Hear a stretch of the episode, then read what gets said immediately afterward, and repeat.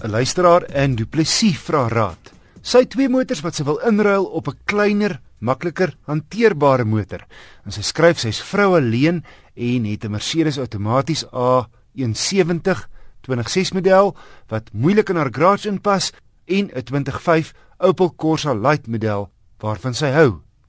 Sy oorweeg nou 'n klein 1.4 motor, maar vra of sy eerder 'n 1.6 met meer krag moet koop en of sy moet inruil of uit die hand verkoop. En sy vra watter voertuie stel ek voor? En ek sou albei verkoop nie uit die hand nie want die risiko dat die tipe transaksies gekompliseerd kan raak is te groot. Ruil eerder in by 'n gerespekteerde handelaar. Ek sou 'n nuwe 1.4 koop van die gevestigde vervaardigers wat darm al lank in die land is. Ek e-pos 'n lys van modelle aan jou wat ek sou oorweeg Ek dink nie 'n 1.6 is regtig nodig nie, maar toetsbestuur 1.4 met die ligversorging aangeskakel, want dit tap 'n bietjie krag en kyk of jy gelukkig is. Indien jou begroting nie 'n nuwe kar toelaat nie, koop 'n gebruikte voertuig van 'n jaar of 2 oud. Luisteraars kan gerus aan my e-pos met motornavraag. Die adres is wissel@rsg.co.za. Hyundai het onlangs 'n luikerig bekend gestel wat tussen die i20 en die i30 modelle pas, die Accent, reeds bekend aan ons in die vorm van die Accent sedan. Met ander woorde, grootte gewys tussen die gewilde 4 meter lange klas waar die i20 sake uitspook met die Polo en die Fiesta en Rio en groter en dierder luikere waar die i30 met waans soos die Golf en Urus kragte meet. Om presies te wees, my toetskar, die Accent Flute, is 4,115 meter lank. Rede generies Hyundai buitekant, skoon lyne maar niks om oor opgewonde te raak in terme van 'n moderne, interessante voorkoms nie. 'n Lekker ruim bagasiebak agter en redelike spasie binne vir die insittendes. Ook binnekant tipies Hyundai met 'n skoon verbruikersvriendelike ontwerp. Toerusting, hier's Bluetooth, punte vir elektroniese apparate en jy kry 16 duim alloy wiele, drie sensors, 'n multifunksionele stuurwiel, maar die kan net op en afstel en nie in en uit nie. En 'n ander klein eienaardige weglating is dat die ritrekenaar nie vir jou die buitetemperatuur gee nie. Waar ek ook voel Hyundai kon 'n bietjie meer gedoen het is in die middelste konsole is kleiner goed geneig om rond te skuif. Hier kon Hyundai gerus 'n meer grouwe materiaal gebruik het en dieselfde met die bestuurder se vloermaatjie. Dis ook glad met sekere skoene het my voete rond geskuif. Die 91 kW 1.6 is lekker wakker want die Accent is 'n relatiewe ligte wa van net oor die 1000 kg. Daar ses ratte vorentoe. Noemenswaardig is hoe goed die luikerig ongelyke padoppervlaktes hanteer. Die stuurgevoel aan die ligte kant maar dit behoort nie voornemende kopers te pla nie. Die prys wel, na my mening, net te hoog teen R234900 in ag geneem dat Hyundai bekend is vir sy ware vir geld voertuie. Die lykerig kos presies R24000 meer as hy sedan ewe knie.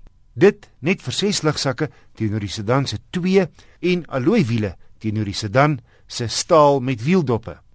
Kyk, die Accent Fluid Luikerig 1.6 is alles behalwe 'n slegte kar. Teen die prys egter verwag ek goed soos spoed en traksiebeheer. Renault bied dit op sy nuwe Sandero wat byna 'n 100 000 rand goedkoper is. 'n Versieningsplan van 5 jaar of 90 000 km kom darm standaard. En eienaardig anders as met die sedan, kry jy ook nie goedkoper weergawe van die Accent Luikerig nie, net 'n dierder outomatiese model. Chevrolet het sy Trailblazer sportnuts verfris. Hoofnuus is dat die oliebranders meer krag uitskop en daar's meer toerusting. Die goedkoopste model, die agterwiel aangedrewe 2.5 LT turbo diesel, kos 'n raps onder 400 000. Nie dat die basismodel skraps toegerus is nie. Nou wel, nie leer op die sitplekke nie en geen trikamera en stabiliteitsbeheer soos op dierder modelle nie maar steeds goed toegerus met die Trailblazer se nuwe MyLink aanraakskerm vir die 6 luidspreker klankstelsel en die telefoon ensovoorts. En dan leer op die stuur as ook die klank en telefoonfunksies, spoedbeheer, aparte ligversorging vir die agterste sittendes, drie sensors en voorste en sy ligsakke. Verder, misligte voor en agter. 16 duim alloy wiele, terwyl die res van die reeks 18 duim alloy wiele het, maar dit lyk heel goed op hierdie Trailblazer. 11 koppiehouers en nie minder nie as 4 12 volt punte. Die opgekikkerde Trailblazers kom nou in 'n grys binneruim. Beslis meer prakties as die vorige beige. En hier's hoop spasie in hierdie wa van 4,9 meter met sitplekke nommer 6 en 7 nie net vir klein kinders bedoel nie. En die spaarwiel die sit buitekant heel onder agter wat meer bagasie ruimte skep binnekant. Die 2.5 skop nou 9% meer krag uit, 120 kW en 380 Nm wringkrag en hy het nou 6 gange vorentoe. In 'n baie gerieflike rit ook op grondpad danksy 'n uitstekende 5-skakel agtersuspensie. My gemiddelde verbruik was 'n baie goeie vir so groot voertuig, 8,3 liter per 100 km. Hierdie was hoër as teen aangeduide 120 in 4de. Lê die toere so net oor die 3000. 5de so by 25 en in 6de net so onder die 2000. So 6de is uit en uit 'n rad vir die nasionale spoedgrens. Onder 120 is daar nie juis krag in 6de nie. En teen opdraandes wil jy maar terugskakel 5de toe as jy nie spoed wil verloor nie. Veral volgelaai en die ligversorging aan. Noodwendig vergelyk mens die chef met Suid-Afrika se topverkoper sportnuts, die Toyota Fortuner, omdat hulle in baie opsigte byna identies is. Die Trailblazer is teen R398.100 op die kop R22000 duurder as die Fortuner 2.54 by 2. Maar die chef het meer standaard toerusting en meer krag. Trouwens, die Trailblazer 2.5 skop nou selfs bietjie meer krag as die 3 liter Fortuner uit.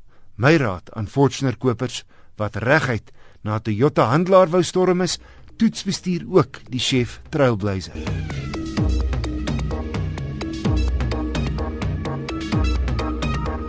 My wenk van die week, wanneer jy volmaak, vra dat jou banddruk nagegaan word en die spaarwiel sin.